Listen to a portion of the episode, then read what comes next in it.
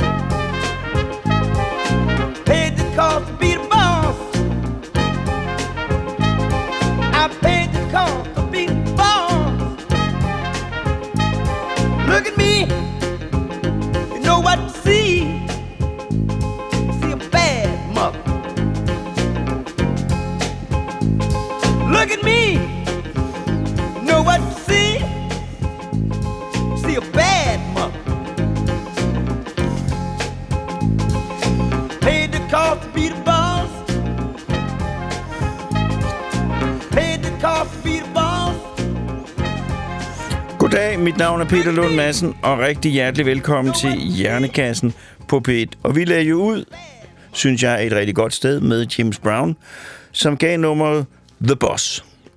Øh, og det lød ikke som om, at James var rigtig 100% tilfreds med at være The Boss, men han er jo heller ikke The Boss. Den rigtige The Boss er en anden amerikaner. Til gengæld er James Brown Mr. Dynamite. Han er Soul Brother number one. Han er the hardest working man in showbiz.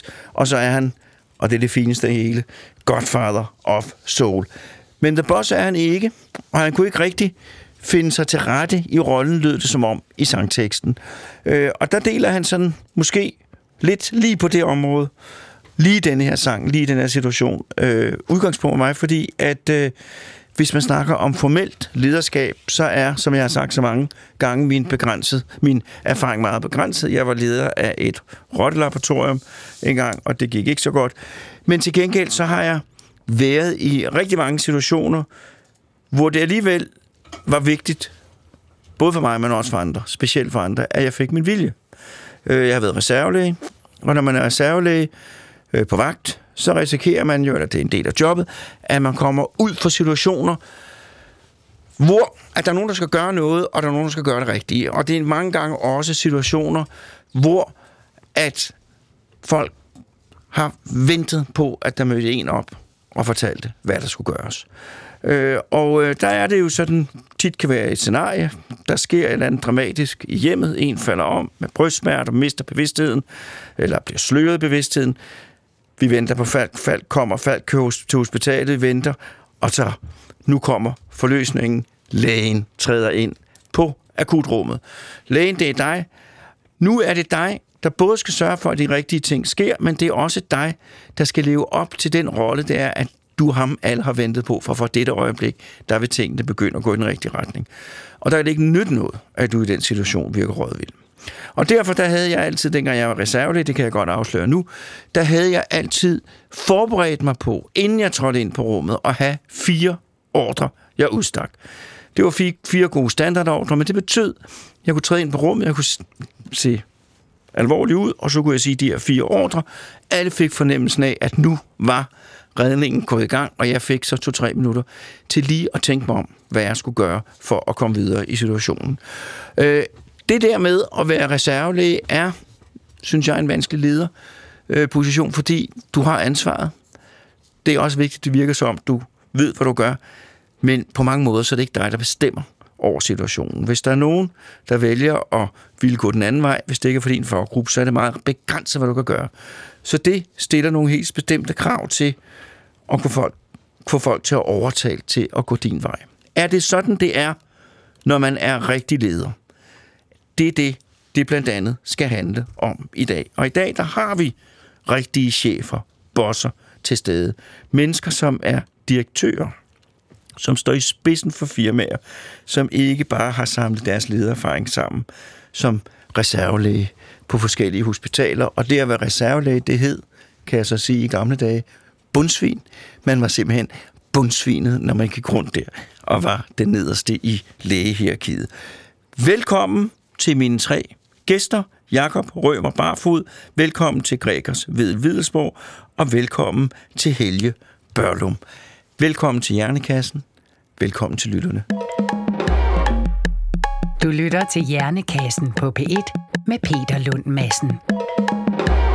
Og i dag, der skal det, som jeg fik talt mig frem til med mange ord, handle om ledelse. Og min første gæst, det er Jakob Rømer Barfod, major, master i organisationspsykologi og ansat på Forsvarsakademiet.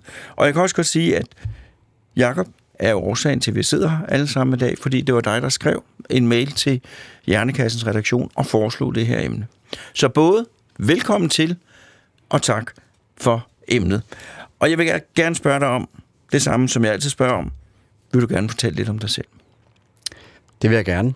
Øh, som sagt hedder jeg Jakob og øh, jeg har en øh, lang baggrund fra forsvaret, hvor jeg startede for snart 30 år siden, og har været øh, almindelig soldat og arbejdet mig igennem øh, hierarkiet i forsvaret. Øh, og på et tidspunkt, efter jeg havde været sådan almindelig soldat, almindelig fører, eskalonchef og så videre, så tænkte jeg, nu skal jeg lave noget nyt. Og så synes jeg, det her med ledelse, det var spændende, fordi jeg selv havde været igennem mange forskellige øh, ledelsesopgaver, oplevet mange forskellige ledere selv, og selv haft hatten på mange gange. Øh, jeg tænkte, det var et rigtig interessant felt, som jeg godt kunne tænke mig at dygtiggøre mig i og, og undervise andre i. Så jeg øh, kiggede rundt i Forsvaret, som jo er en kæmpe organisation med mange muligheder. Øh, og så fik jeg mulighed for at tage nogle forskellige uddannelsesforløb med fokus på, på ledelse, og øh, endte med at være øh, blandt andet ansvarlig for meget af lederuddannelsen i, øh, af herrens officerer. Øh, og det ville ingen ende tage, for til sidst så fik jeg mulighed for at tage en, øh, en øh, phd forskuddannelse i ledelse. Øh, og øh, da jeg så var færdig med det forskningsprojekt, så tænkte jeg, at øh, jeg skulle da sende en mail til dig og spørge, om vi ikke skulle, øh, skulle tale sammen om, øh, om ledelse herinde. Så en, en, en lang øh, militær karriere øh, med ledelsespositioner, jeg selv har bestridt, men også hvor jeg har, har undervist i det. I dag er jeg almindelig, øh, om så må sige, dødelig medarbejder. Jeg har ikke noget ledelsesansvar i dag, udover det, den ledelse, jeg leder af, af mig selv, og når jeg leder et læringsforløb, som jo også er en del af mit arbejde, at jeg underviser, og der er man jo leder af, af et læringsforløb. Øh, Derudover så har jeg så i mange år arbejdet som øh, ekspeditionsleder i forbindelse med bjergbestigninger og klatring, så der har jeg stadigvæk sådan øh, øh, fingrene på, øh, hvad vil det sige. Øh, så det, jeg står og underviser i, det skal jeg lige pludselig huske, når jeg er ude i Nepal, sammen med en gruppe af mennesker, som er, er højdesyge og er trætte og våde og kolde, og vi skal op på toppen, så er det nogle af de samme dynamikker, som, øh, som træder igennem i forhold til det at kunne, kunne lede og motivere og sørge for, at der er trivsel i en gruppe, og man når øh, ikke mindst det mål, som, øh, som er sat, man er sat i verden for at, at nå. Det man inden for, for ledelse vil sige, at man har fokus på, på opgaven, og man får løst den opgave, som, som man nu engang skal, skal gøre. Ja. Jeg ved ikke, om det var for kort eller for langt. Det var lige tilpas. Det var simpelthen fuldstændig perfekt. Sådan. Øh, hvad det hedder, du er ansat på Forsvarsakademiet. Det er rigtigt. Nu hører man det begreb nævnt til. Kan du ganske kort sige, hvad er Forsvarsakademiet? Jamen, Forsvarsakademiet er jo øh, forsvarets øh, øverste uddannelsesinstitution, kan man sige. Det er derude, hvor at, øh, der foregår en masse undervisning, der foregår også en masse forskning. Så alle øh, de tre værns øh, officerskoler, det vil sige flyvåbnet, søværnet og hæren, de er samlet under Forsvarsakademiet, og der foregår selvfølgelig en masse uddannelser der. Også alle værnets øh, sergeantskoler er også øh, samlet under Forsvarsakademiet. Så der er meget undervisning, og der er øh, meget forskning, og jeg sidder så i et af de institutter, der er på Forsvarsakademiet, som hedder Institut for Ledelse og Organisation. Så vi er særlig optaget af, af ledelse og øh, organisering i, øh, i, i forsvaret, men selvfølgelig også øh, andre steder. Så det er sådan en kombineret uddannelses- og forskningsinstitution. Yes. Så vil jeg ikke, nu må du selv vælge. Det er første gang, nogen der selv måtte vælge den. Hvad vil du helst fortælle om først? Hvad er ledelse, eller vil du helst fortælle om din phd opgave først? Jamen lad os tale lidt om, hvad ledelse er. Det kunne være et godt springbræt til, til selve ja. forskningsprojektet. Du går bare i gang. Jamen, øh, i takt med, at jeg begyndte at interessere mig mere og mere for ledelse, blev jeg opmærksom på, hvor forskelligt det ental er. Øh, typisk så øh, vil folk tænke, at ledelse det handler om en leder, øh, og rigtig meget af det forskning, der er lavet omkring øh, ledelse, er sådan øh, individorienteret, fokuseret på, øh, på lederen. lederen, lederen ja. Og øh, øh, jeg har sådan i mange år øh, været optaget af, at, at det er sådan lidt, øh, det, det lidt, lidt utydeligt, lidt flydende nogle gange, hvad der foregår med øh, i, i ledelsessammenhæng. Øh, sammenhæng. så hvis man forestiller sig sådan en, øh, en, en sværm af en sværm af hvad hedder de her, sort sol, øh, stære, ja. sådan en stæreflok, øh, de formår jo på en eller anden måde at, at koordinere meget, meget fint, hvad der er, der sker, men der er ikke rigtig nogen, som, vi kan ikke udpege den stær, som gør, at vi skifter retning i forhold til det ene eller andet. Ledelse kan nogle gange anskues på den måde, at der, der sker noget, der er nogle gange nogen, der sætter en retning, men så sker der noget andet noget, som gør, at man øh, skifter retning. Så det kan være ret øh, diffus, hvad der, hvad der er, øh, der, der sker. Og øh, hvis, hvis man skal kigge på, på stæreflokken og ledelse, så er, der, så er det jo svært at pege på, hvem er lederen her, hvem er individet her. Så, øh, så, så meget ledelsesforskning peger på, at det er, det er ikke kun ene og alene lederen, man skal pege på. Øh, det har været meget amerikansk inspireret, det forskning, der har været. Det har været meget kvantitativt også. Øh, og det betyder, at det er meget at man prøver at måle og veje og putte ja, ind i det er noget, der tager, har taget udgangspunkt i, i naturvidenskabelige metoder. Ikke? Så det er noget med at måle og veje, og dem har man så prøvet at applikere på, på ledelsesfeltet. Øh, men det kan være svært at måle og veje øh, øh, relationen her, kvaliteten, den relation, du og jeg sidder og har her nu. Er den Hvad fem, der sker mellem mennesker Er den 5 eller den 5,6? Ja, ja. Det, det kan man kun, øh, kun vanskeligt. Øh, så lige pludselig så bliver det måske også interessant at se på netop relationen, interaktionen mellem mennesker og se, hvad er det, der sker der? Øh, det er måske mere der, som, øh, som øh, der, hvor ledelsen den, øh, den foregår. Så øh, der har været nogle forskningsstudier, som øh, en, der hedder Dubrin, han har peget på, at jeg mener, det er 36.000 øh, forskellige definitioner, der er på ledelse. Så i takt med, at der er kommet mere og mere ledelse, mere og mere snak om ledelse, så det bliver mere og mere utydeligt, hvad det egentlig er øh, for, øh, for, for noget. Men ikke desto mindre, så foregår der en, en masse udvikling inden for det, og øh, i forsvar har vi lavet det, der hedder et ledelsesgrundlag, hvor vi øh, ser, øh, prøver at skabe et grundlag op for, hvordan vi vil have, at ledelse skal være i, i forsvaret. Inden vi havde det, havde vi noget, der hed nogle ledelsesprincipper. Det var sådan lidt mere stålfast. Hvad er ledelse for noget? Vi havde 14 ledelsesprincipper, og alle de her, øh, alle de her 14 ledelsesprincipper, de startede med, eller indholdt et eller andet sted en sætning, som startede med, lederen skal. Så det var netop meget øh, lederfokuseret. Der så man lederen som den store, omnipotente, almægtige øh, fører, som øh, skulle udstikke retningen og sige til folk, hvad de skulle gøre. Men så i 2008 blev vi lidt klogere og sagde, at vi må hellere lave noget, hvor vi har et grundlag for at tale om ledelse, hvor man så har mere fokus på, øh, på relationen, Øh, og det, som er med til at skabe ledelse, jamen, det er de mennesker, som har fokus på, på en, øh, en opgave, som de så balancerer opgaveløsning imellem. Øh, det at skabe resultater og fokus på, øh, på relationer. Der er noget paradoxalt i det, at kunne gøre det øh, på, på samme tid og så også have fokus på fornyelse og stabilitet. Der er også noget... Øh, øh, kan du give nogle eksempler på det, eller er det svært? Nej, det kan jeg sådan set godt. Øh, det kan jo for eksempel være, hvis man er øh, indsat i en anden øh, militær operation, som vi har været mange gange øh, i, Afghanistan, når man forlader sådan hovedlejren og øh, kører ud og skal gøre et eller andet, så vil man typisk have fokus på at skabe nogle resultater, køre ud i, øh, i, øh, i nogle landsbyer, være måske med til nogle, øh, nogle møder og få fat i nogle efterretninger, eller mm, måske tage nogle mål, øh, øh, konfiskere nogle våben. Og der er man fokus på, på, på, øh, på, på resultaterne. Men hvis man har for et ensidigt fokus på resultaterne hele tiden, så kan det være enormt stressende at være en del af sådan en, en organisation. Og så har man så ikke fokus på det, som øh, er, er, er bag ved en, øh, kan man så må sige, altså resultaterne, resultat, øh, undskyld ikke resultaterne, relationerne, fokus på resultaterne, så det kan blive for meget fokus på resultaterne, så kan man miste det, som man måske burde også have, have, have blik for, nemlig relationerne. Så det er et spørgsmål om at balancere. Så man både ved, så man både får gjort det, man skal, men også hvad man ved, hvor ens medarbejdere er henne, og sørge for ikke at strække elastikken for langt, og sørge for, at hvis der er nogen, der uvenner et eller andet, at man så får, får den konflikt afmonteret. Ja, præcis, for det handler om at, at, at kunne det hele, men det er svært at, at, at kunne det hele samtidig. Altså det, der kendetegner et paradoks, er, at du kan ikke gøre det samtidig.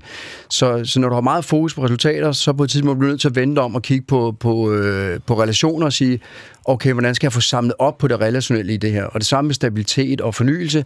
Hvis man har en leder, som øh, øh, hele tiden har fokus på, at vi skal lave noget nyt, vi skal lave noget nyt, vi skal ændre, så vil nogle medarbejdere måske savne noget stabilitet i, i hverdagen. Kan vi lidt, få lidt ro på? Er der ikke noget bare, hvor vi kan gå hen og, og hvor det var lidt ligesom i, i gamle dage? Så den der balancering, der er mellem det hele, det er, øh, det er utrolig vigtigt i forhold til det nye, nye ledelsesgrundlag, som vi har i forsvaret, som så ikke er så nyt mere. Det er fra 2008, så det er jo 13-14 år øh, gammelt. Men blot for at skitsere, at der har været en, en udvikling i at tænke øh, ledelse fra, fra i, i gamle dage, hvor at man var meget fokuseret på, på lederånd, øh, mennesket, øh, individet, øh, der man nu mere fokus, har mere fokus på øh, relationen, interaktionen, som, som foregår. Den gensidige indflydelsesproces, der er imellem øh, mennesker, når de taler sammen og, og gør i øvrigt øh, ting og sager sammen. Få, få gruppen til at fungere samtidig med, at man får den til at gøre det, man gerne vil have, den skal til at gøre. Skal gøre.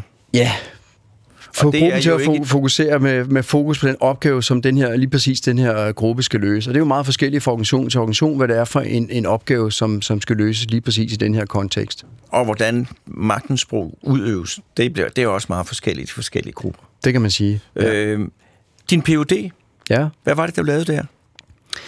Jamen, øh, der øh, var jeg optaget af, hvordan at ledelse rent faktisk praktiseres i militære øh, højrisikoteams.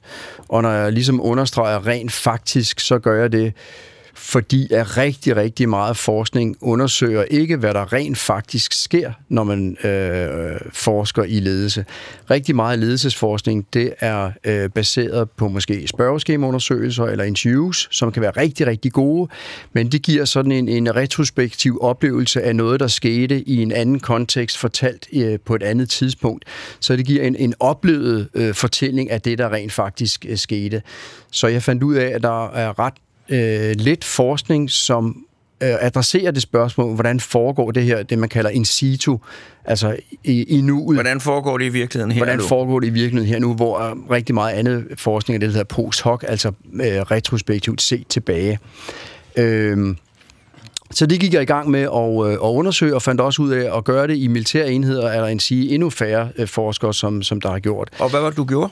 Jamen, jeg tog så ud øh, sammen med nogle teams, som jeg så valgte at i talsætte som højrisikoteams, fordi det var øh, steder, hvor at, eksempelvis Afghanistan, hvor er risikoen er lidt større end at gå rundt hjemme øh, i, på stræderne i København, eller at flyve rundt op øh, i Nordøstgrønland øh, blandt isbjerge i en helikopter med en motor, hvor det ikke er særlig rart at, at, at falde ned, fordi man er langt væk så der er risiko for øh, høj risiko i forhold til vind og vejr og teknik.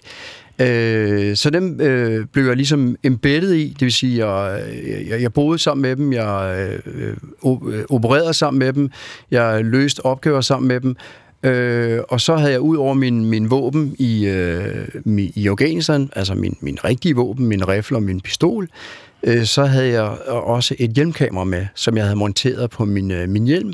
Og det betød så, at jeg jo rent faktisk kunne filme hvad der skete, når at, øh, der skete ledelse, som vi har snakket lidt om. Hvad er det egentlig for noget?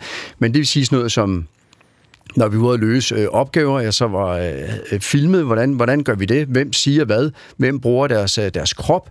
Øh, multimodalitet bliver meget opmærksom, øh, eller meget optaget af, det vil sige, altså både øh, hvordan vi bruger vores øh, gestik, vores, vores arme, vores hænder, vores øjne, vores nikken, også vores sprog, men også øh, materialitet. Hvordan er, er radio og våben kort med til at, at påvirke den ledelse, som, øh, som, som der foregår?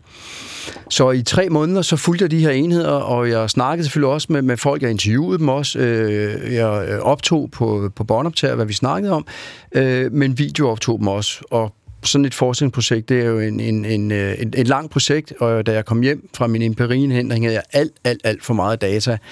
Øh, men heldigvis havde jeg nogle, nogle kloge, gode vejledere og andre medstuderende, som øh, var med til at pege på, at øh, det mest unikke, jeg havde i mit forskningsprojekt, det var nok de her videooptagelser af, hvordan det rent faktisk øh, foregår.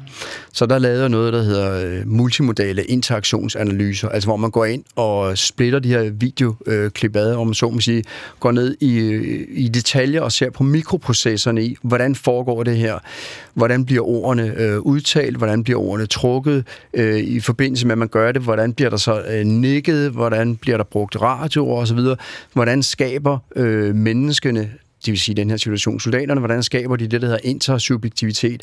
Altså, hvordan skaber de tilstrækkelig forståelse blandt hinanden ved at, at kigge på hinanden og mærke med hinanden, okay, har jeg sagt det her tilstrækkeligt til, at vi kan gå videre i, i, øh, i samtalen eller i de manøvrer, vi øh, vi er, er ved at, at, at, at lave. Et lille eksempel på det kunne være, Ja, vi var på en, en patrulje, og øh, lige pludselig så skete der noget, at vi skulle beskytte en, øh, en amerikansk øh, militærrådgiver. Og lige pludselig gik han en anden sted hen, end han skulle gøre. Og ham manden, der gik, øh, eller ham soldaten, der gik foran, han havde ikke lige set, at rådgiveren var gået til højre. Så med en ganske, ganske øh, kort, øh, utydelig håndbevægelse fik øh, en af soldaterne ligesom indikeret, at der var nu et skift i, øh, i den her formation. Og det kunne jeg jo kun dokumentere efterfølgende, og jeg havde ikke set det i situationen, men da jeg så så videoklippene igennem, kunne jeg se et lille eksempel på, hvordan at der rent faktisk bliver koordineret, hvordan bliver handlingen koordineret i de her små teams, hvor man øh, med, med moderne ledelsesbriller godt vil, vil kunne sige, at det her det er rent faktisk en ledelseshandling, fordi at der bliver øh, skiftet retning i, i, den, øh, i den manøvre, den formation, der gør her. Der er en, en ændring, hvor de sammen øh, koordinerer det. Så øh, igen, nogle ledelsesforskere vil sige, at vi er slet ikke interesseret i at kigge på, på, øh, på lederrollen, måske endda heller ikke øh, så meget øh, relationerne. Jo, det vil man så være. Men vi, vi vil sige, alle dem, alt det, som er med til at, at skabe en retning, alt det, der er med til at, at, at koordinere i et forpligtende fællesskab, det er sådan set ledelse. Så det, vi er interesseret i, det er outcomet af det, der sker. Så uanset hvem eller hvad, der har gjort det, hvis vi når hen til et andet outcome, det, der gør, at vi når hen til det outcome, det vil man sige, det er, det er, det er ledelse. Ja. Og der er, det kan udspringe også meget imellem mennesker, og Præcis. også meget på måder, Præcis. som man ikke registrerer, mens det foregår, men alligevel er noget, der foregår mellem mennesker. Præcis. Tusind tak. Vi kommer tilbage til dig senere. Selv tak.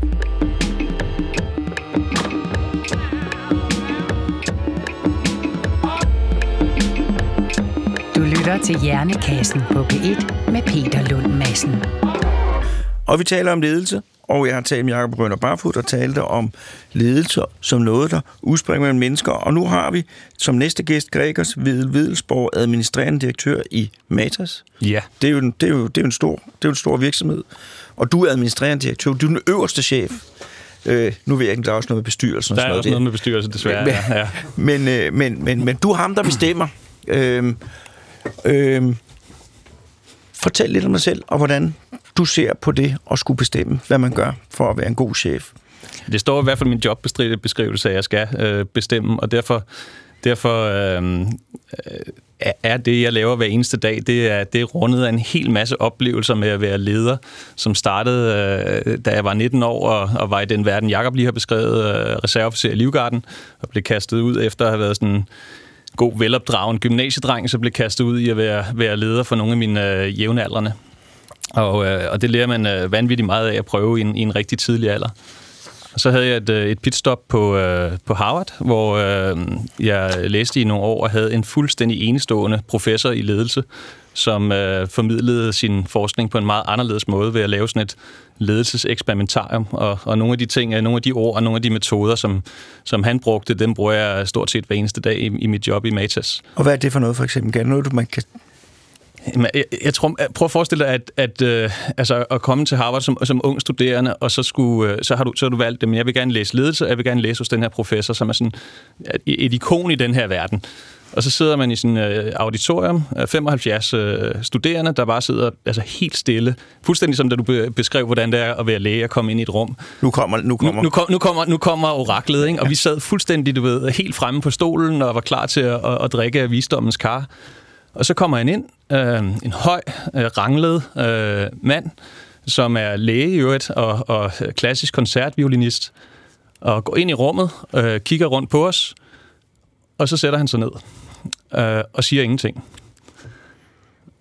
Og du ved, der er helt stille i rummet. Man venter jo på, nu, nu må han jo ligesom, altså han er jo, sige, han, han er ligesom bossen, ikke? Altså, A-punktur, jeg skal have Yes, ja. altså kom nu. Ja. Det er det her, vi har betalt for, og vi har kæmpet for at komme ind og sådan noget. Kom nu med, med, med visdomsordene. Og han siger bare ingenting. Og så går der sådan to-tre minutter i stillhed, og så er der nogen, der siger, skal vi ikke i gang? Og nu er klokken allerede, du ved, øh, 10 minutter over og sådan noget. Og, og, og, og, og han siger fortsat ingenting. Og så udvikler der sig hvad er næsten et mytteri på halvanden time, hvor der sker alt det, man kan forestille sig. Nogen bliver rasende over at være blevet snydt. Jeg skal jo lære noget. Jeg er her for at lære noget. Øh, nogen bliver øh, får lyst til at tage magten og stiller sig op foran øh, de andre studerende og siger, det her det er jo bare, altså det er jo fordi, vi skal tage magten. Vi skal jo vise, hvad ledelse er. Og, og i det øjeblik, der er en eller anden studerende, der stiller sig op og siger det, så siger alle, hvad er din ret til at stille sig op der? Og hvorfor skal du nu lige pludselig? Det er jo ikke det, vi er kommet for. Så halvanden time går, hvor nogle udvandrer, andre sætter sig og laver matematikopgaver til den næste time, og nogle griner af det. Og så til allersidst, til aller, allersidst, efter halvanden time i det her kaos, så rejser han sig så op, og så glæder vi os, for nu kommer jo ligesom pointen med det hele. Og så kigger han rundt og har stort set øjenkontakt med os alle sammen, og så siger han, see you next Tuesday. Det, det er da meget det, godt god, Goddag og velkommen til ja. ledelse. Ikke? Og det er jo lige præcis det, du beskriver, at vores forventninger til, hvad en leder skal gøre, altså, han skal jo have styr på det. Han skal jo have en plan. Han skal ligesom gøre det, han er sat i verden til, og vi skal, som studerende skal sætte os ned og gøre det, vi er sat i verden for, nemlig at lære. Og den der, de der halvanden time viste mig bare, altså fraværet af ledelse, hvor kolossalt mange følelser, der kommer frem. Altså vrede, angst, øh, latterliggørelse, øh, forsøg på magtkampe, altså ledelsesvakuum, hvad det kalder frem. Um, så, så, så, så de tanker, og nu, nu har jeg ikke brugt lige præcis den metode øh, særlig ofte øh, i den virkelige verden, men, men, men, men det, som, det, som man lærer af at være i sådan en ledelseseksperimentar, det er faktisk virkelig værdifuldt. Men altså, jeg har jo, jeg har jo, øh, jeg vil sige, der er jo noget der, da du stod foran dine jævnaldrende og ja. skulle kommandere rundt med dem. Ja. Der har det jo krævet et talent for at udøve autoritet. Øh, altså, øh, dengang jeg var den alder, der var jeg meget dårlig til det, fordi mm. jeg kunne være konfliktskyld og også kunne være hissig. Øh, og det er ikke to, to særlig to gode. vel, vel anerkendte ledelsesmetoder, man ser relativt ja, ofte. Ja. Øh, øh, hvorimod der jo, jeg havde kammerater, som var talenter til det der. Jeg ja. har en, der hedder Chris. Hun kan, hun kan få folk til at gøre hvad som helst, fordi hun bare siger, jamen på det er det mest fornuftige. Mm. Og så siger jeg, ja, det er det også. Og så mm. gør det det. Mm. Øh, så, så noget af det må være tillært, men er der også et element af... af nej, noget af det må være medført, medfødt, men er der... Kan, kan, kan, kan, kan, kan, kan en uden naturlig autoritet som udgangspunkt godt blive en god leder? Ja, det, det tror jeg helt, helt sikkert. Der er så mange måder, man kan blive en god leder gennem sin, sin faglighed, eller sin evne til at kommunikere, eller sin evne til at relatere, som Jakob var inde på, med, med andre mennesker. Så, så der er jo så utrolig mange måder. Og, og det, der øh, som soldat jo er enormt nemt, det er, at der, der har man jo sådan distinktioner på skuldrene, så alle kan se, hvem der bestemmer. Der er jo flere stjerner, og jo større stjernerne er, jo mere har man at, at skulle have sagt. Men, men det, man jo finder ud af efter øh, fem minutter i trøjen, det er, at rigtig ledelse handler om alt andet end de stjerner, man har på skuldrene. Det handler jo lige præcis om, hvad, hvad er det, du gør? Altså, hvad er det, du, hvad er det, du, hvordan er det, du agerer? Så, så man skal virkelig, som det hedder i alle de der kliché, altså man skal virkelig det der med at earn your stripes. Ikke? Altså, det, det, det er et faktum, du skal, du skal gøre dig fortjent til det. Øh, jeg blev selv kastet ind i, øh, i Livgarden, der bliver man inddelt efter højde. Øh, fordi det er sådan noget, når man skal gå vagt ind på Amalienborg, så, så ser det pænest ud, hvis man er, er nogenlunde lige høj. Øhm, og og jeg, var, jeg var langt nede i andet kompani, anden deling, anden gruppe. Det vil sige, jeg var, jeg var sådan lige, øh, lige over grænsen. Øhm, og da vi så skulle på, på Rikstur, som er den store sådan, manddomsprøve for soldaterne, øh, der, der gik det ikke lige op. Så jeg blev hævet ud af min naturlige gruppe, og så blev jeg så smidt sammen med første kompani, første deling, første gruppe, som er alle sammen er, er øh, 2 meter 10. Ikke? Og det er jo sådan en tur, hvor man skal bære rigtig meget. Øh, og de kiggede bare på mig, og så sagde de, mm, har vi ligesom fået sådan en ekstra opgave her, altså skal vi også være babysitter oven i det, jeg skulle igennem en rikstur. Det er da værre for dig at skulle bære på dem, end der. Ja, ja det, var, det, var, det var lidt et, lidt et issue, det ja. tænkte jeg også lidt over, så jeg, jeg gjorde det, jeg tog ret hurtigt uh, kortet, og tænkte, skulle jeg ikke være den, der ligesom førte sig igennem det her, for jeg havde løbet orienteringsløb med min far. Uh, og, og, og, og det at kunne, altså i den situation, det at kunne altså have en, have en, ja, en faglighed, som var at kunne finde rundt på et kort, og kunne finde rundt i verden med det, altså det, det, det gav mig en ledelsesmæssig autoritet, som jeg ikke havde lige da jeg blev smidt ind i den gruppe. Ja, fordi altså, jeg har jo som, som reserve haft rigtig mange chefer. Mm. Øh, og, og, og hvis jeg skal bedømme de mange chefer, jeg har haft, så er det netop en forudsætning. Det er, at man har en fuldstændig grundlæggende øh, oplevelse af, at de har tjek på ja. de ting, de gør. Det er også vigtigt, at man... Nej, det er ikke så vigtigt. Men, men så er det også vigtigt, at, at de er i stand til at vinde en for deres projekt. Mm. Øh, at, at, at de tager den tid, det tager øh, at forklare projektet. Jeg har jo oplevet sundhedsvæsenet, som kan være en stor, stor organisation, hvor mange gange ting skulle forklares, og hvor mange gange ting skulle drøftes igennem, mm. så jeg var ved at dø af at skulle høre på det.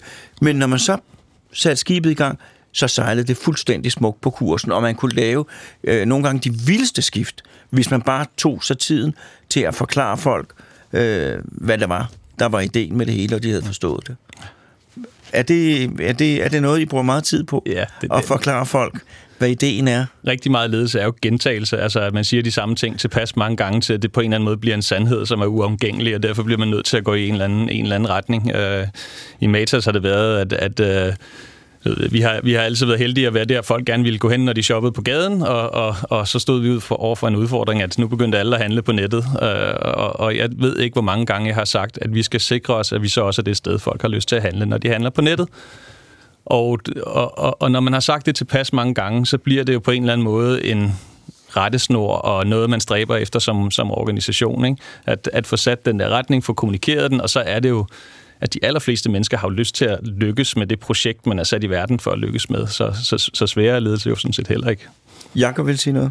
Ja, jeg vil bare sige, at altså, man kan jo sige, at forsvaret er vel en af de få organisationer, hvor ledelse som sådan er institutionaliseret. Altså det er vores profession at være ledere, hvor eksempelvis din tidligere ledelse eller lægegærning der havde I formodentlig ikke et, et, et fag under jeres uddannelse, som hed øh, ledelse i praksis eller sådan noget. Nej, men det er fordi, øh, nu skal jeg fortælle noget, øh, det er lidt specielt med lægestudiet, fordi det, der sker, når man bliver læge, eller i gamle dage, det sker ikke mere, men i gamle dage, der skete det, når man blev læge, så kunne man alt. Præcis. Øh, og så behøvede man jo sådan set ikke uddannelse, for det kunne man, fordi man læge. Det, det er lidt forsvundet, desværre, Præcis. de senere årtier, men sådan var det i gamle dage. Men her har vi erkendt, at hvis vi skal noget med mennesker og have ansvaret for mennesker, så bliver vi nødt til at have fokus på, hvad er det her ledelse for noget, sådan at folk de får en anden form for træning og uddannelse i det.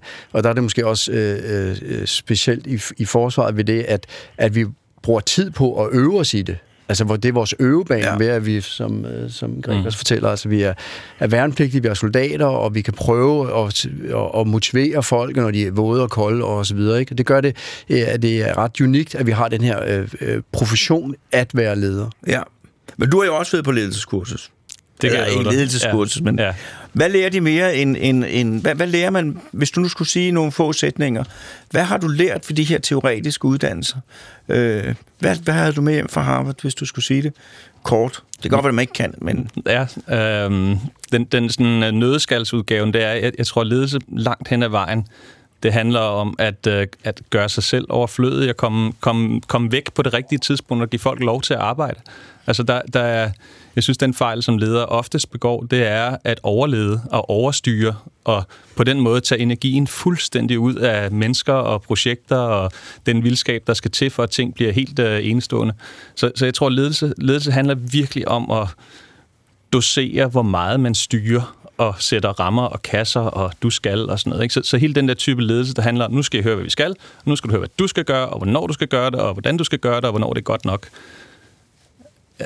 Det virker nogle gange, men det virker slet ikke så godt, som hvis man får øh, øh, udøvet ledelse, hvor man får kaldt folks energi frem, og deres kræfter og deres ressourcer, og de mennesker, som ikke siger så meget, får dem på banen og sådan noget. Så det er jo, det er jo det er virkelig get out of the way for, fra, for, for alle de mennesker, som virkelig kan noget og få bragt deres kræfter i spil. Men altså, sådan en ting, som jeg synes viser, hvor indviklet det kan være, det er, og det, nu snakker jeg, hvis vi tager øh, dagligvarerbutikker. Hvis man går i dagligvarerbutikker, det er en meget, meget grov ten- tendens, men jeg synes, den er der. Hvis man går i dagligvarerbutikker i Jylland og på Fyn, så får man en mere høflig betjening generelt, end hvis man gør det i Københavnsområdet. Øh, og det er jo ikke fordi, tror jeg, at ledelsen af dagligvarerbutikkerne i København er anderledes, men det er fordi, at i København, der lærer man af at gå i butik, hvordan man skal opføre sig mm. i en butik. Der er enormt mange ting, det er enormt svært at styre. Og hvis jeg for eksempel var direktør i Matas, så ville jeg jo sidde og være enormt nervøs for, at der var nogle medarbejdere, der stod og var frække og dumme og ødelagde nogle, en, nogle kunderela- kunderelationer. Mm. Så hvordan sørger man for, så i så stor udstrækning som muligt, at få den der ønske om, at folk skal være serviceorienteret til at sive ned, så det bliver til noget? Ja, det er et vanvittigt godt spørgsmål, og fordi ja, du har fuldstændig ret i, at det, det, der jo ofte sker, det er, at, at, at øh, man lærer af de mennesker, man er iblandt, og, og den kultur, som der er i en butik, når man kommer ind i den der bliver medarbejder i en, i en butik. Og det vil sige, hvis den er dårligt ledet, en butik, eller der er et, øh, et rådent æble eller sådan noget, så ødelægger det den butik. Altså, så bliver det den kundeoplevelse, som er øh, arrogant forfærdelig, hvor de står og kigger i telefonen og er på Facebook i stedet for at hjælpe kunderne. Og derfor så, så en af de ting, jeg har været vanvittigt taknemmelig for som, som Matas-direktør, det er, at, at, at alle mine forgængere, de har brugt sindssygt meget tid på at sige, hvordan er kulturen i vores virksomhed? Og hvis man ikke passer ind i den kultur, jamen, så skal man nok finde sig et andet sted at arbejde. Og helt, helt i midten af den kultur, der står, at kunden skal have en, en, en god oplevelse, og kunden skal behandles øh, med respekt og orden, ordentligt. Ikke? Og det, det er virkelig sådan indarbejdet på en måde, hvor man faktisk ikke behøver at lede det, fordi kollegerne, de vil sige, at sådan her opfører vi os ikke i den her virksomhed. Ikke? Men det må mm. bare være noget af det, der tager aller, aller længst tid. Øh, fordi jeg har jo også oplevet det på hospitalsafdelingen, og det er jo mm. derfor, det fik jeg ikke sagt ind. Jeg har jo vidderligt, vidderligt fået øjnene op for, hvor vigtig ledelse er. Mm. At hospitalsafdelinger i København kan være så forskellige i forhold til, hvad de leverer af, af service og alt muligt, hvad de skal. Og hvis jeg, hver gang jeg har tænkt tilbage, så er det meget, meget bestemt af hvem, altså hvordan chefen, ja. øh, hvad de er, hvordan det, de er. Det betyder utrolig meget. Ja. Og derfor er det faktisk også vigtigt i Matas, hvem det er, der står og er chef i butikken, end lige hvad jeg siger øh, i dag eller i morgen. Altså det, det er jo, ledelse er jo helt tæt på, på, på, på hverdagen, ikke? Ja, men du har jo også været leder i dagspressen. Ja. Øh, og, og der kunne jeg forestille mig, at, at at være leder i dagspressen er noget andet end at være lidt både leder i ja. militæret og i. Matas. Kan du ja. fortælle lidt om det der med at være leder forskellige steder? Jamen jeg tror, altså i, i, i medieverdenen, der der, altså det med at være leder, det er ikke noget hederstegn. Altså det er nærmest noget, der bliver vislet ud mellem tænderne, hvis man er en del af ledelsen. Ikke? Altså, og, og, og man kan være ret sikker på i sådan en, en kultur, der jo af gode grunde er trænet til at være anti-autoritær og til at stille spørgsmål til magten og udfordre magten, øh, så er det ikke sådan, at øh, hvis man kommer ind ad døren og siger, goddag, jeg er jeres nye direktør, øh, vi skal den her vej, at det så bare sker. Altså, nogle gange skal man faktisk lave omvendt psykologi og sige, vi skal den her vej, for så er man ret sikker på, at de går den anden vej. Øhm, og, og, og det, er jo, altså, det, det var et, et miljø, hvor det at bruge sin formelle autoritet, det var en utrolig dårlig idé. Altså hvis man satte sig selv op på en ledelsesmæssig pedestal og fortalte folk, hvad de skulle gøre, det gad folk ikke. Altså det, det, det, det var bare det var ligegyldigt. Men hvis, hvis der var et projekt, hvis der var noget, man kunne sige, prøv at høre, jeg blev øh, direktør som 29-årig for et magasin, som skulle sådan forny sig selv. Ikke? Man siger, prøv, det, er jo, det, er jo, det er jo fantastisk, hvad vi har, men vi, skal for, vi bliver simpelthen nødt til at forny den her udgivelse. Vi bliver nødt til at drømme om, at vi kan noget mere og have større impact i verden og, og ramme nogle øh, yngre mennesker i stedet for... for øh, altså, drømmen om at kunne gøre noget i samfundet og kunne have en impact, den er, det er et meget stærkere ledelsesredskab, end hvis jeg kommer og siger, her er planen ABC. Ikke?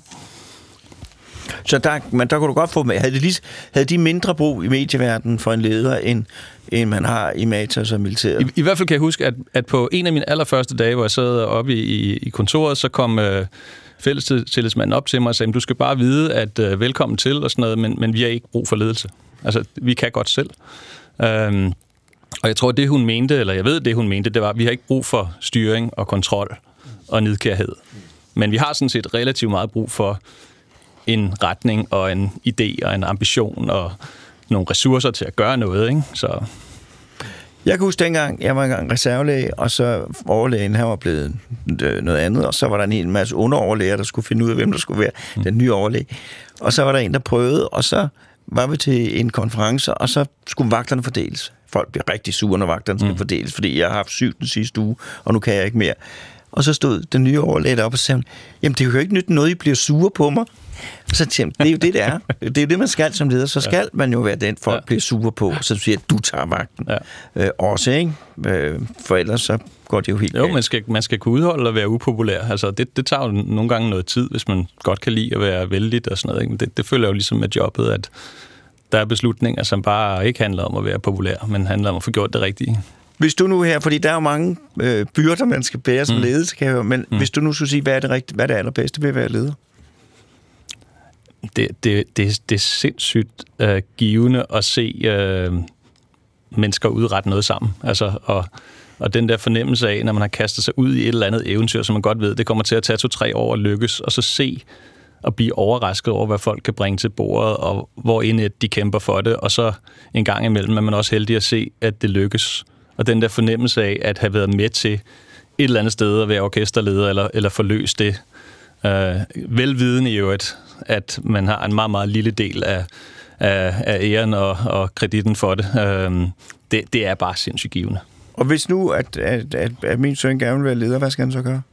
Så skal Eller hvis kaste, min datter, jeg har bare ja, ikke en datter, nej, men hvis jeg havde en datter, hun gerne ville være leder. kaste, kaste sig ud i det virkelig tidligt, altså, øh, og, og tage ledelse, uanset om man lige får titlen eller ej. Og det, ledelse har jo, har jo relativt lidt at gøre med, om man, om man hedder leder eller ej. Man kan jo sagtens man kan udøve ledelse fra, fra alle positioner, fordi det jo netop handler om at få, få folk med sig og udrette noget. Det kan man sagtens gøre fra en position, hvor man ikke hedder leder. Og, og, og, og det ser mennesker omkring en, og så på en eller anden måde, så bliver man jo nok øh, leder. Og så er der også nogle rigtig gode ledelseskurser hister her, men det er nok ikke det vigtigste. Tak skal du have. Du lytter til Hjernekassen på P1 med Peter Lund Madsen. Og i dag handler det om ledelse, og vi har hørt om ledelse i Matrix, om ledelse i, i øh, forskningsverdenen, eller for, forskning med ledelse og ledelse i militæret. Og nu min sidste gæst, Helle Børlum. Er det rigtigt udtalt? Ja, ja, det er så fint. Det er godt, jeg sidder her. Jeg, jeg, jeg er meget nervøs med efternavn. Du er ledelses- og organisationsrådgiver i firmaet Børlum Kompetence. Det er jeg. Ja. Kan du fortælle lidt om dig selv og lidt om dit firma og hvad du laver? Jamen, øh, til daglig laver jeg øh, faktisk meget af det, som, øh, som både Jakob og Gregers har, har talt om. Øh, hjælper ledere med at lave god ledelse, og hjælper organisationer med at finde ud af ledelsesgrundlag, og finde ud af at få skabt retning og øh, trivsel øh, i virksomheder, så de kan lave det, de er sat på verden, i verden for at lave. Og hvad er det for nogle problemer typisk, du kommer ud til, eller opgaver? Jamen, det er typiske øh, problemstillinger er også, som, øh, som vi har talt om allerede, at finde sig til rette, som du også med dit indledende musikstykke øh, allerede slår tonen an til, det at finde sig til rette som leder.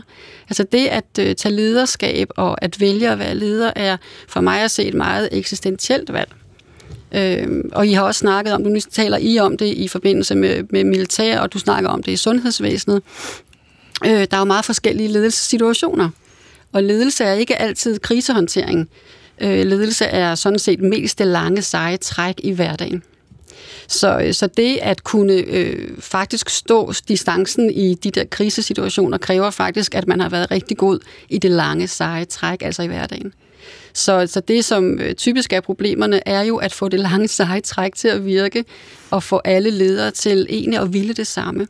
Øh, grundlaget for ledelse skal være ret øh, manifest, øh, for ellers så løber de fleste mennesker i hver sin retning, og, og det gør vi jo. Og hvad betyder det, at grundlaget for ledelse skal være med? Man skal være enige om, hvad er, hvad er planen? Ja, og der skal bestemmer? være en retning, og der ja. skal være en filosofi bag din ledelsesstil, fordi øh, at hvis du skal have mange mennesker til at gå i samme retning, så er der nødt til at være en vis øh, enighed om, hvilken retning det skal være. Og moderne ledelse, som Jacob også snakker om, handler ikke meget om mekanik mere. Det handler mere om sammenflydning, altså det vi i, i psykologien kalder konfluens.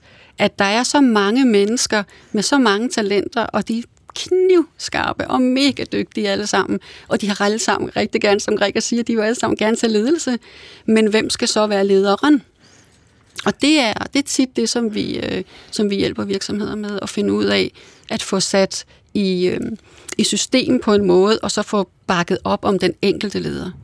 Men jeg har jo oplevet, altså, men det er også lang tid siden, men jeg kan huske en ledelsesopgave, der blev svigtet big time, synes jeg, hmm. fra den allerøverste ledelses øh, side. Og det var en gang for mange år siden, øh, hvor hovedstadens sygehusfællesskab, de skulle gennemgå noget, der hedder akkreditering, og alle var sure på akkreditering, mm. det var spillet tid, øh, men det blev gennemført, fordi ledelsen krævede det, brok, brok, brok, så blev der holdt en fest inde i forum. Meget dyr fest, mm. fordi at sygehusfællesskabet var blevet akkrediteret. Mm. Vi havde klaret opgaven. Mm.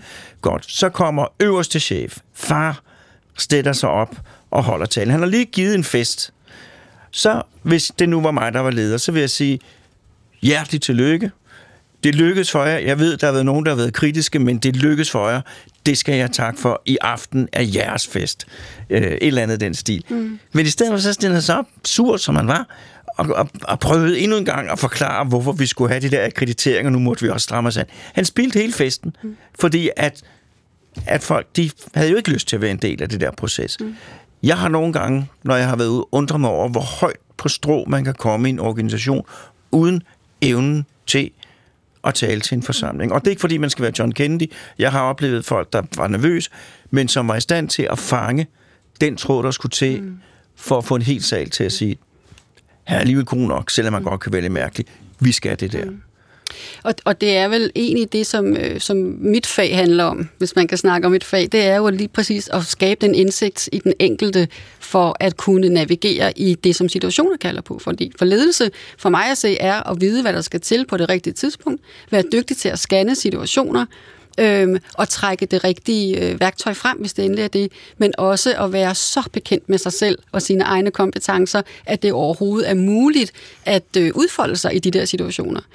Øh, det, der er en stort udfordring med ledelse, er, at mange ledere er ikke ledere fagligt. Øh, altså, ledelse er noget, der kommer oven i deres hverdagsgebet, øh, hvor det er deres faglighed, øh, deres speciale faglighed, der har gjort dem til ledere. Og det gør dem ikke til dygtige øh, menneskelige ledere. Det gør dem til dygtige specialister. Så når vi sidder i organisationer og kigger, så ser vi meget, meget ofte, at der er mange specialister, som er blevet ledere, og det leder de ikke godt af. Så det at kende sig selv øh, er, er noget af det aller, aller vigtigste øh, i forhold til at bedrive ledelse og at kende situationerne. Altså kunne virkelig være dygtig til at scanne den enkelte situation og gøre det, som situationen kalder på, og ikke det, man har lyst til at gøre per instinkt, øh, fordi man er en vred mand, eller, eller ikke har lært andre teknikker, eller ikke kan være i sin egen krop i den situation, man står i. Men det, jeg har lagt mærke til, når jeg holder foredrag, så kommer jeg jo rigtig mange gange ud til forskellige steder. Skoler, større og mindre, og jeg har lagt mærke til der, hvor jeg får fornemmelsen af god ledelse. Jeg snakker jo også tit med chefen, når jeg går op til, til stuen.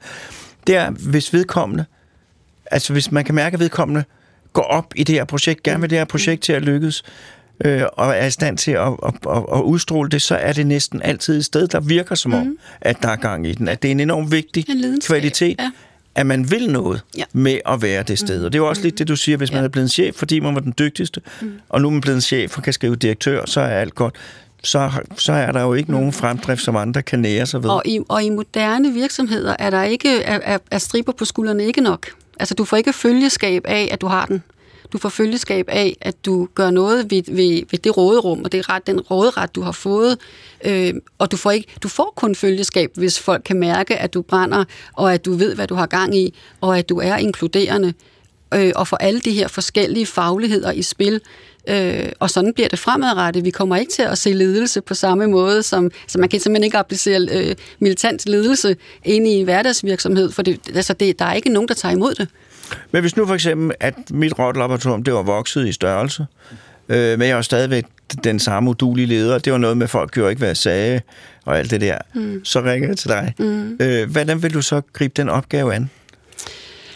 Kom an på, om du vil have mig til at gøre noget med rotterne. Du skal ikke gøre noget med rollerne. Du skal simpelthen få, øh, få det der... Du skal heller ikke øh, gøre mig til verdens populæreste mand, men du skal få det der, du skal få det der mm. sted til at fungere. Mm. Jeg vil jo nok starte med at lave en analyse og spørge dig, hvad er det, du gerne vil? Så hvad er det, du, hvad er din rettighed, kunne man sige? Hvad er det, du vil med dit laboratorium? Øh, og hvad er det, du ved med de, vil med dine medarbejdere? Hvad står du selv for menneskeligt, og hvad, hvad, hvad har du af kompetencer, og hvor ligger dine svage områder?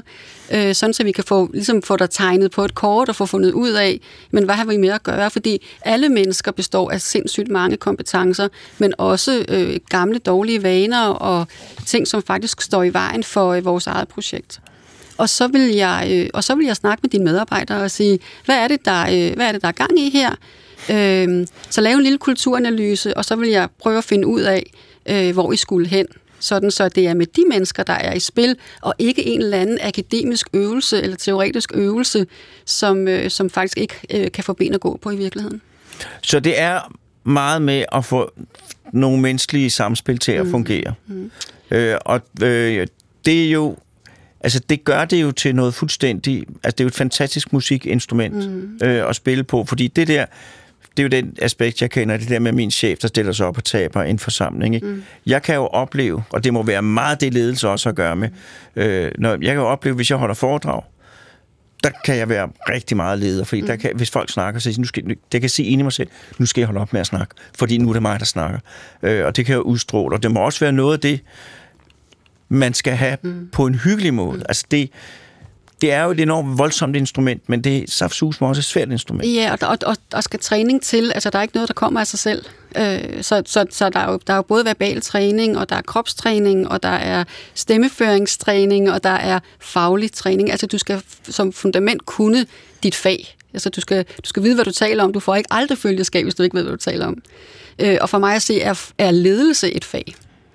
Øh, så, så det at kunne lede, så vil jeg næsten tro, man kan øh, sætte dig ned i en hvilken som helst organisation, hvis du er en dygtig leder, for så kan man lære noget af det andet, som, øh, som fagområdet handler om.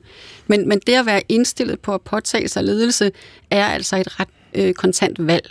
For du har faktisk valgt at sige, at du er en lille smule mere, øh, har lidt mere overskud end de andre, du har lidt mere kraft end de andre, og du tør godt vise vejen. Så det er, det er et valg, du påtager dig. Men der vil jeg jo sige, vil jeg tro, hvis du kommer som leder til for eksempel en lægegruppe, der vil de altid et stykke ud i fremtiden. Så, jamen, han har, jo ikke, han har jo ikke fjernet en blindtarm. Mm. Han ved ingenting om det ene og det Ja. andet. Hvordan og, i tale sætter man Ja, det? og, og, og det handler nemlig også om forventninger, som I også har snakket om, at der er jo, i, i hver faggruppe er der jo forventninger til, hvad ledelse skal være, og der er man jo nødt til at prøve at mærke efter, hvad er det her, der er de gældende normer, øh, og, og på en måde acceptere nogle af de normer, og så flytte dem øh, pø om pø. Fordi det er, det er, øh, det er trods alt feltets øh, kraft, der skal kigges på først, øh, og finde ud af spillereglerne inden for det felt. Øh, så det, det er sådan en, det er musikalitet, for at blive det, som, øh, som faktisk er en af de største øh, udfordringer og gaver i ledelse. Øh, musikalitet og kreativitet. Og det bliver mere og mere efterspurgt. Og det kan jeg sagtens se, og det er jeg bare så også vil sige til folk. Jeg har altså set i sammenhæng, hvor folk, der var kajtet og rødblusende, øh, og på alle parametre formelt skulle være udulig, mm. stå og holde en tale, der fik folk til Ja. øh, at fakturere, eller hvad det Jamen, var, de det nu er skulle til. karisma, det Ja. er, det, er, det er passion. Øh, Passion, Ja. det var det. Ja. Jeg skal lige se, øh, Jakob, ganske kort, du havde en kommentar. Jamen, det var bare i forlængelse til, det, Helle hun sagde. Altså, vi kan i forsvaret, når vi uddanner vores ledere, og vi må anerkende, at, at ledelse handler også om ledere, fordi vi har jo lederuddannelser og så videre. Så der er nogen, vi udpeger og siger, at I skal være ledere. Der, der siger vi, at det handler om ledelse. God ledelse handler især om to ting. Det er, at man er, er, står solidt forankret på to ben. Det ene, det handler om det kognitive, og det andet, det handler om det emotionelle, det sociale. Det kognitive, det er nemlig fagligheden, at man skal kunne øh, gennemskue, skal jeg her angribe højre eller venstre om bakken, og det sociale, emotionelle, det handler nemlig om øh, mig selv. Har jeg styr på mig, på mig selv? Ved jeg, hvem jeg er? Ved jeg, hvad mine øh, styrker og svagheder er? Og hvordan øh, skaber jeg gode relationer? Hvilke empatiske evner har jeg for at skabe kontakt til, til andre mennesker og skabe det følgeskab der? Så at stå solidt på de to ben der gør, at øh, her har vi formodentlig at gøre med, med, med en god leder. Men der kan jeg også se, at der er en forskel, jeg har set nogle gange, og det kan godt være, det er mig, der har set spøgelser. Men der er jo nogle ledere, der er blevet leder, fordi de gerne vil være leder. Jeg vil gerne være ham, der bestemmer. Jeg vil gerne have en høj løn. Jeg vil gerne have, der står leder. Øh, og så øh, er der nogle ledere, så jeg vil sige, jeg har tit mødt en kvindelig leder inden for sundhedsvæsenet, som bliver leder egentlig ikke fordi de har lyst, mm. men fordi jeg bliver nødt til at gøre det, for ellers bliver altså som fuldstændig en forpligtelse. ja, det er en klassisk karrierevej jo. Ja, øh, øh, som er lidt ærgerlig. Øhm, fordi det er, som, jeg- så, jeg mener virkelig i dybde hjertet, det er et valg, du skal påtage dig. Det er ikke noget, der skal der gives. Øhm, det, er, øh, det, det er noget, du bliver nødt til at have passion for. Øh, og, og jeg i min egen karriere, som, som, hvor jeg har også været administrerende direktør, øh, og har også været drevet af passion, og derfor har jeg arbejdet mest i NGO-verdenen, fordi der er, det, der er det helt legitimt at have den her øh, virkelig kraftfulde passion for sit arbejde, og det flytter bare noget andet. du vil sige? Ja, jeg, jeg tænker bare på det, det, du beskriver, det er altså... Vi møder jo alle sammen mange ledere på vores vej, og, og det er vel næsten en jernlov, at de mennesker, som gerne vil være ledere for at være ledere, de bliver dårligere ledere, end dem, der gerne vil være ledere for at udrette et eller andet, fordi de ser et behov, fordi de tror på, at de kan skabe noget. Ikke? At det, er jo, det er jo ret udholdeligt, at dem, der stræber efter magten, bare for hatten. Altså, det er dødssygt, men, men det er til gengæld utrolig spændende med dem, der, der gerne vil have magten for at kunne gøre noget. Ikke? Mm. Altså, så så der, der er måske også en nøgle i det, når man siger, skal man drømme om at være leder? Måske skal man ikke det. Måske skal man drømme om, hvad man gerne vil udrette, og så ledes en måde at få det gjort. Det tror jeg er rigtig fint sammen. Men jeg er i hvert fald en af mine en af mine mange store, hvor det virkelig, altså det var, fordi jeg var for dum fra starten af, men jeg har virkelig haft det skred i erkendelse, det er det her med, at det er et, det kan være, hvis man gør det ordentligt, fuldstændig vanvittigt meningsfyldt arbejde at være chef. Øh, og man kan virkelig, virkelig, virkelig gøre en forskel. Øh, så, så, så, så jeg vil virkelig opfordre alle de rigtige til at blive, blive chefer, fordi det er, det er vildt, så meget det betyder. Men det er også ret lidelsesfuldt for mm. mange ledere. Øh, fordi en ting er at ville det, og en ting er at kunne det, men hvad, hvad er konteksten? Så hvis du er i en organisation, hvor du konstant er presset øh, af at nå mål, øh, eller, eller levere fra dag til dag, så, så er alt det her passion en lille smule i baggrunden. Så, så, så det, det er også lidelsesfuldt, og det er et hårdt stykke arbejde at gøre det, og balancere både det at nå mål og få sit øh, følgeskab skabt. Det er fuldstændig.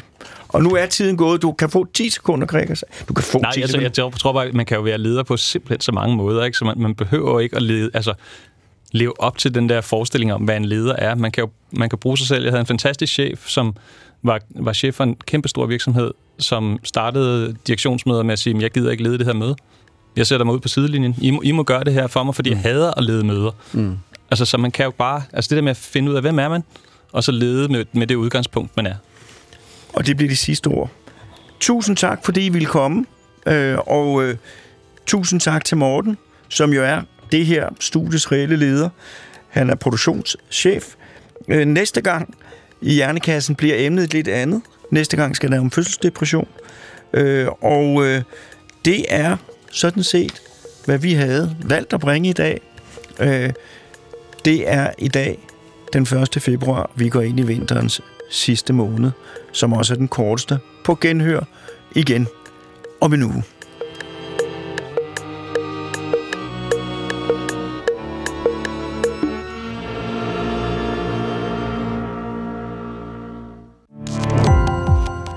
Gå på opdagelse i alle DR's podcast og radioprogrammer. I appen DR Lyd.